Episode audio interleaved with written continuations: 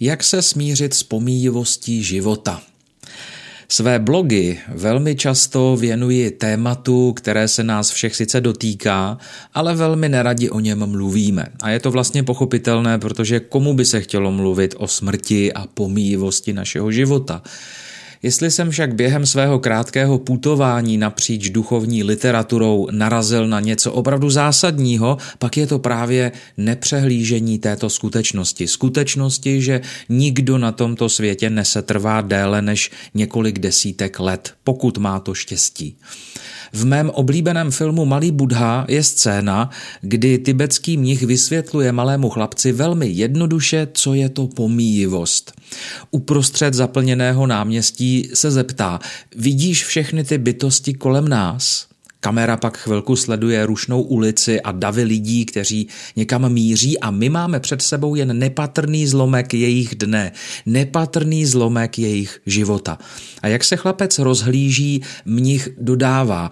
A teď si představ, že ode dneška za sto let tady nikdo z nich, včetně nás, nebude.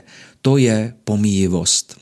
Když jsem tuto scénu viděl poprvé, byla pro mě velmi emotivní a mnohem skutečnější než všechny kapitoly o konečnosti života ve všech doposud přelouskaných knihách o filozofii a náboženství. Každému pomůže k pochopení něco jiného. Já měl silný zážitek právě díky malému Budhovi a dlouho jsem měl s východní filozofií díky tomuto filmu velmi blízký vztah. Dalai Lama se pro mě stal důkazem reinkarnace a některé meditační techniky mi pomohly zažívat sílu přítomného okamžiku mnohem intenzivněji. Sebelepší meditace vás však nikdy nemůže dostatečně připravit na odchod blízkého člověka a neoprostí vás ani od strachu z vlastní smrti, pokud tedy nejste pokročilým jogínem nebo absolutním mistrem stezky svého probuzení. Meditace vás však může naučit lépe chápat pomíjivost lidského bytí a neignorovat smrt. Naopak, život dokonce bývá nejen v pojetí buddhismu a východních směrů vnímán jako příprava na smrt.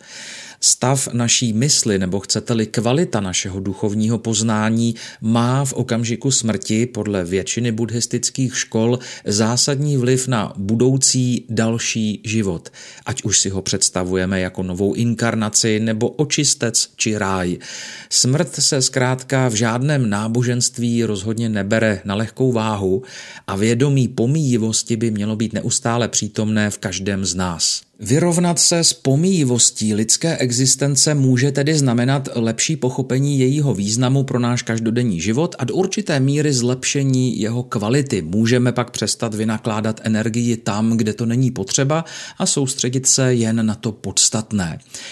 Chat GPT je fenomén dnešní doby, otevřená umělá inteligence, která pracuje se všemi dostupnými informacemi z internetu a na základě strojového učení se snaží poskytnout co nejrelevantnější výsledek pro zadaný požadavek či dotaz. Pojďme se teď seznámit s tím, jak tato umělá inteligence odpověděla na otázku, jak se smířit s pomývostí života. Jsem přesvědčený, že výsledek stojí při nejmenším k zamyšlení. Cituji. Smíření se s pomíjivostí života může být velmi obtížné, ale existují některé způsoby, jak se s tímto faktem vyrovnat. Uvědomte si, že život je pomíjivý. Pomíjivost života je přirozená součást našeho života a je něčím, co se nás všech týká. Pokud si uvědomíme, že život je krátký a nevratný, můžeme se snažit žít plně a neodkládat věci na později. Zaměřte se na přítomnost. Mnoho z nás se obává budoucnosti nebo se trápí minulostí, ale je důležité si uvědomit, že jediný okamžik, který máme, je přítomnost. Zkuste se soustředit na to, co se děje kolem vás v tuto chvíli a užít si každý moment. Najděte význam a účel. Najděte věci, které vám přinášejí radost a smysl a snažte se je dělat co nejčastěji. Zkuste najít způsob, jak se podílet na něčem větším, než jste sami, což vám může pomoci najít větší smysl vašeho života. Užijte si svůj čas s rodinou a přáteli. Rodina a přátelé jsou často nejcennější součástí našeho života a mohou nám pomoci udržet perspektivu. Užijte si čas s nimi a dělejte věci, které vás baví. Pamatujte si na své dědictví. Vaše dědictví zahrnuje vaše zážitky, znalosti a vztahy, které jste si během života vybudovali. Snažte se zanechat pozitivní stopu na světě tím, že pomáháte lidem, přispíváte k vašemu okolí nebo pracujete na věcech, které vám jsou důležité. Hledejte podporu.